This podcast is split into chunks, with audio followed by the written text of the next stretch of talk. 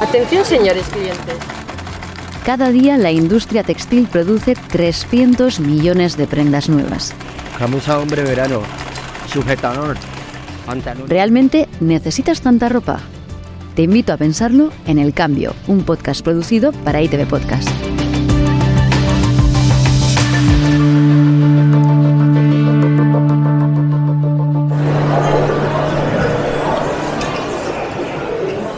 De compras como plan de ocio para calmar la ansiedad, comprar mucho y barato.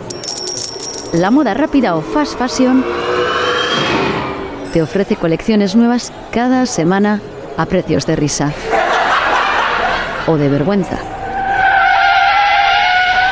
Para un momento, frena esta espiral de superconsumo y veamos qué nos estamos haciendo.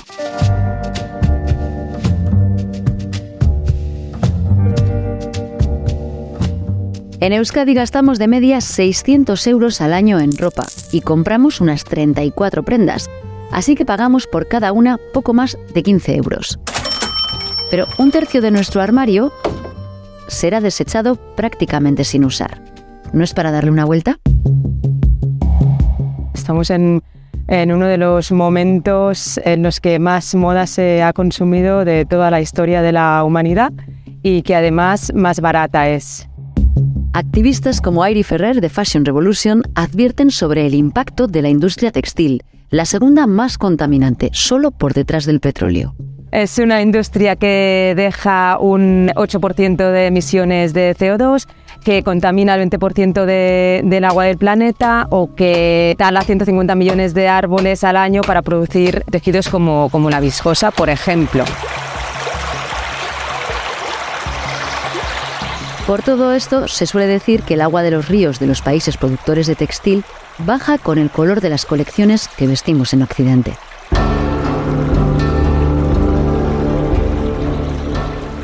El 70% de los ríos de China están afectados por la producción de pantalones vaqueros. Los jeans son la prenda más contaminante. Para conseguir uno hace falta la misma cantidad de agua que bebe una persona en tres años, y llegan a tus manos por menos de 20 euros. Hace tanto tiempo que nos han hecho creer que es normal que, una prenda de ropa valga, cueste 5 o 10 euros, que ahora toda prenda que cuesta más de, no sé, 50, 100 euros no, nos da la sensación que es cara, pero no es que sea cara, es que es justa. Y no quiere decir que automáticamente lo caro sea sostenible. Hay que indagar en las etiquetas o en lo que nos cuentan las empresas. La firma vasca Scanfunk fue fundada por Miquel Feijóo Elzo en los 90 y ha hecho de la sostenibilidad una seña de identidad. Si existe moda basura es porque mucha gente quiere moda basura y porque la gente piensa que, es lícito pagar 9 euros por una camiseta, sin tener en cuenta que en esa cadena de valor habrá gente y partes del planeta que han sido maltratadas. Al final es más ropa o más valor en tu ropa. Si mañana se dejara de producir ropa, habría para 30 años, dicen.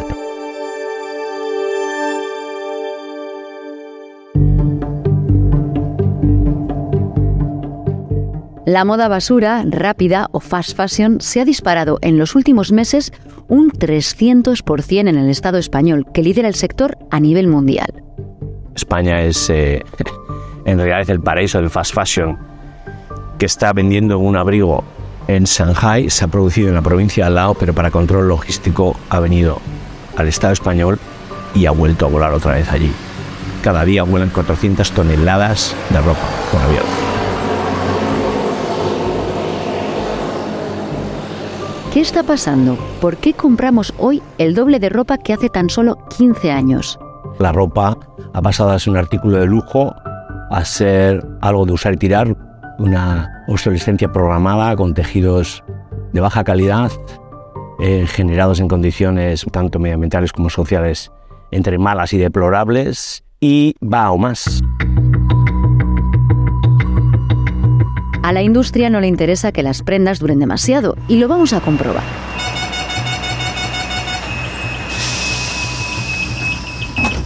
Cogemos el tren para acercarnos a un barrio donde aún se reparan las cosas. En el bilbaíno barrio de Zorroza, Leire resenta un negocio familiar de arreglos de calzado. Empezó su tío y tras 20 años ayudándole, ella se ha puesto al frente de un establecimiento que se ha ido adaptando al paso del tiempo. ¡Hombre! ¿Qué tal? Muy bien, ¿qué tal? Uno. Aquí pasando un poquito de frío. Bueno, y veo que estás tranquilita, ¿no? Veo que Sí, estás tranquila hasta ahora. Última, a última hora Menos ya mal. se va bajando el pistón y ya es como recoger. Bueno, podremos charlar tranquilos entonces. Creo que sí, que no nos Genial. interrumpan. Hemos venido a última hora porque no para de trabajar en toda la jornada. Recibe unos 20 encargos de reparación al día. Pues nada, me pillas aquí arreglando un calzado que se le ha degradado el piso completo, tanto la suela como el tacón, y lo tengo que cambiar y ponerle un piso nuevo. La gracia del piso nuevo es que tenemos un cartel que pone te pongo un piso por 25 euros.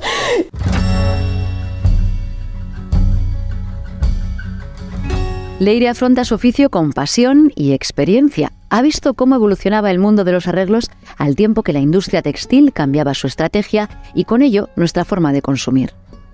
Bueno, ha cambiado el trabajo, el trabajo entrante. Ha cambiado porque antes el calzado era relativamente de más buena calidad, entonces la gente de, de nuevas venía a cambiarle las tapas y las suelas para que le durara. Ya directamente venían de la tienda a cambiarlas. Y ahora lo que, lo que sí que entra mucho trabajo es el calzado ya usado, que se ha despegado, se ha descosido, le, del- le entra agua, entonces son como más chapucitas, que se puede llamar así, en vez de ya desde nuevas ponerle ya el, el trabajo fino, como quien dice.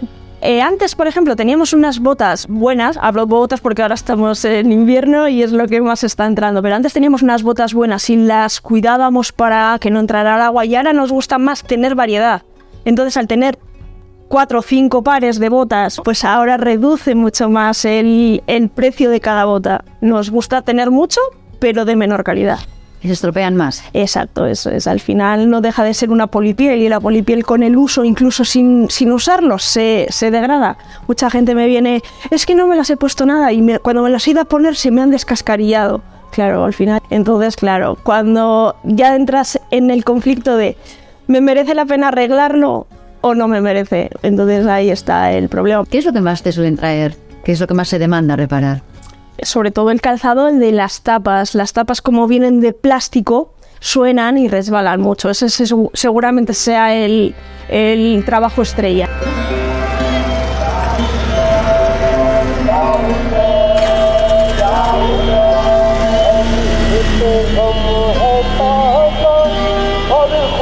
Viajemos al lugar de donde viene buena parte de nuestra ropa. Quizás si viéramos con nuestros propios ojos cómo se producen todas esas prendas, algo cambiaría. Es lo que le pasó a nuestro siguiente protagonista. Kaixo, soy John Careaga, eh, un joven zumayarra de 24 años, activista medioambiental y un poco mi historia comienza en el país más contaminado del mundo hace 3-4 años, cuando viajé a, Bangladesh. Mi vida cambió completamente, mi visión cambió completamente y es la razón por la que ahora mismo me encuentro, me encuentro aquí.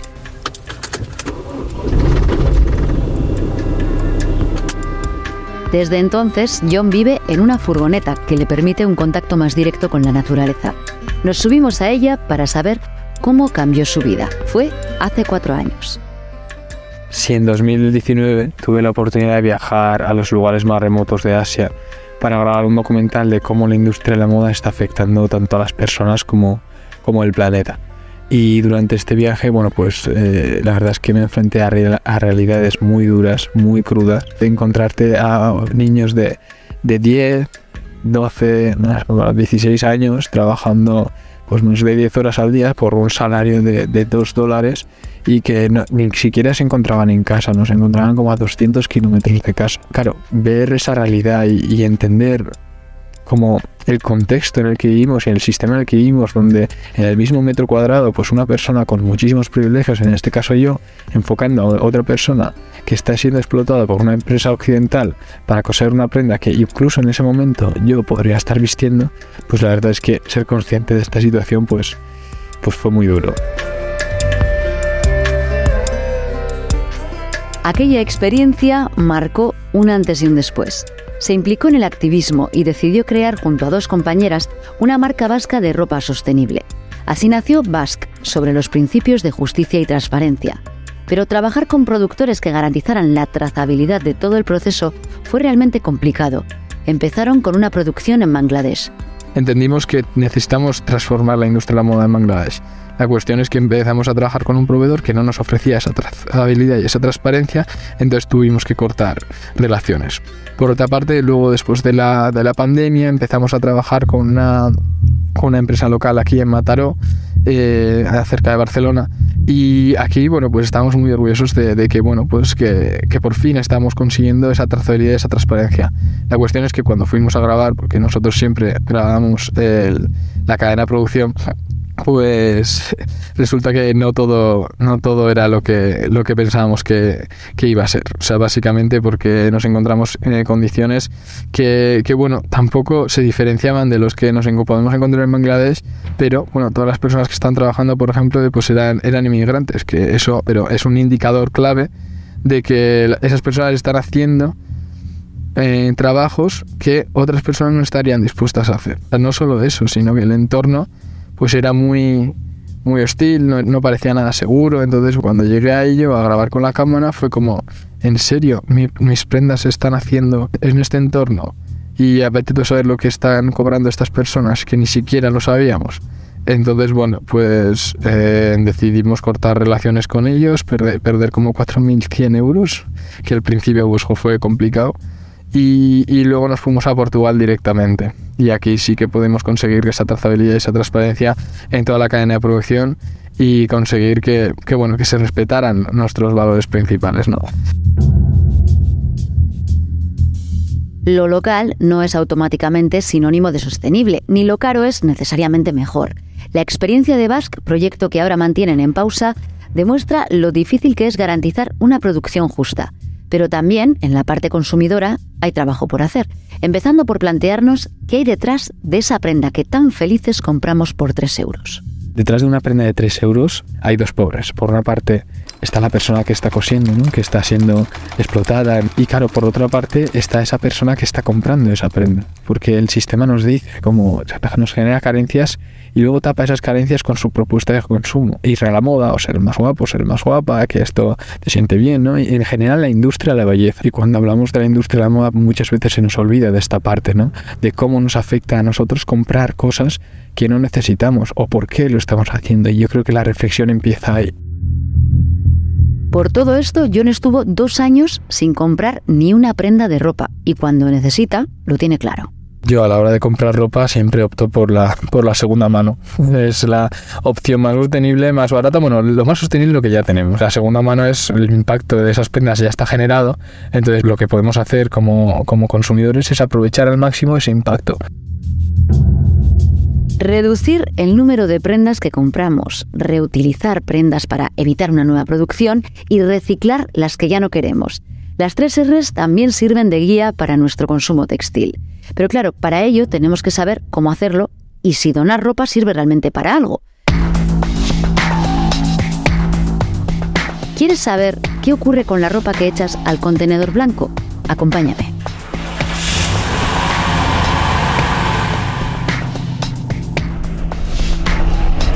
Tu destino está a la derecha. Hemos venido a la planta que Coopera tiene en Munguía porque aquí llegan los camiones que recogen la ropa de los contenedores blancos. Nos va a hacer de guía la responsable de comunicación, Nagore Pérez. Hola Nagore, Egunon. Egunon Aider, Sermado. Qué ajetreo tenéis aquí desde primera hora de la mañana. Esta planta no para. Nos encontramos en Coopera Reusing Center, en Munguía. Y, no veo más que ropa por todos lados, apilada de todas las maneras, de prensada en bolsas. Aquí es donde llega el camión que recoge los contenedores donde tiramos la ropa. Efectivamente, aquí llegan los camiones. Eh, al año llegamos a recoger 18.000 toneladas. Luego, esto que estás viendo aquí es una muestra de, de ello.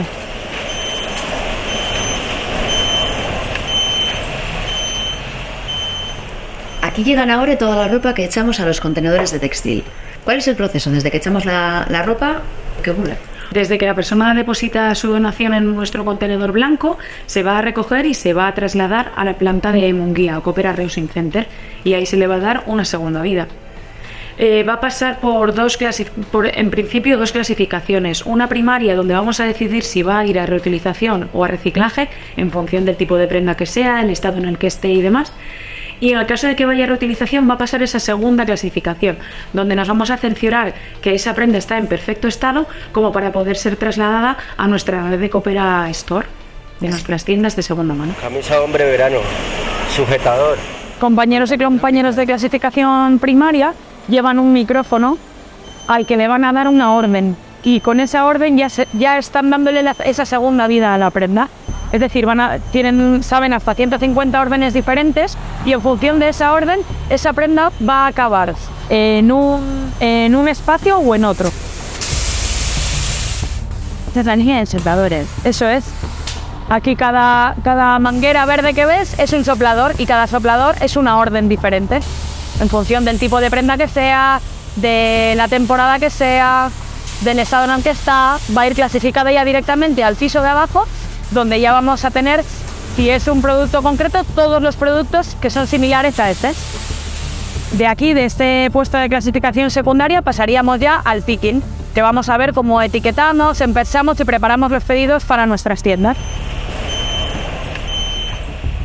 La ropa que metemos al contenedor blanco se recicla o se reutiliza. Aquí se aprovecha todo. En nuestro proyecto el objetivo medioambiental es residuo cero. Pues también insistimos que cuando vayamos a hacer una donación en los contenedores, que por favor se haga en bolsa de plástico cerrada para preservar ese buen estado de la prenda, porque también esas bolsas las vamos a derivar a reciclaje. El proceso de higienizado también es sostenible.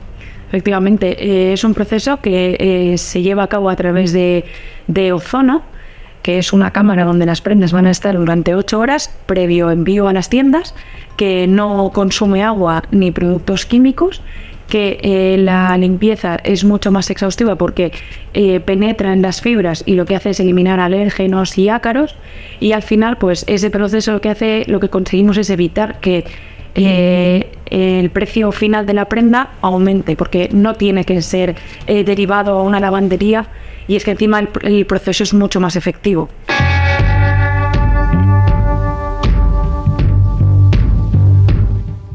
Realmente con todo lo que tenemos parece suficiente para abastecernos.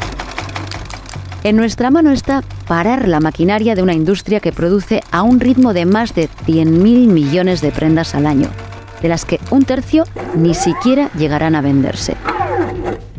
La locura llega al punto de que algunas marcas, como hizo Burberry hace cuatro años, optan por quemar los excedentes. Una barbaridad. La firma británica le dio fuego a parte de su colección, quemó una montaña de prendas valoradas en 40 millones de euros para evitar que la marca se devaluara. Cuestión de intereses, ¿dónde se sitúan los tuyos?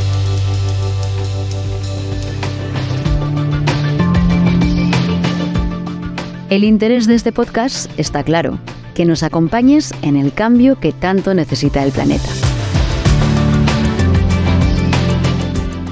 Así que en el próximo capítulo analizaremos nuestra huella de carbono. Te ayudamos a calcularla y buscamos fórmulas para reducirla. Nos encontrarás en ITV Podcast y en las plataformas habituales.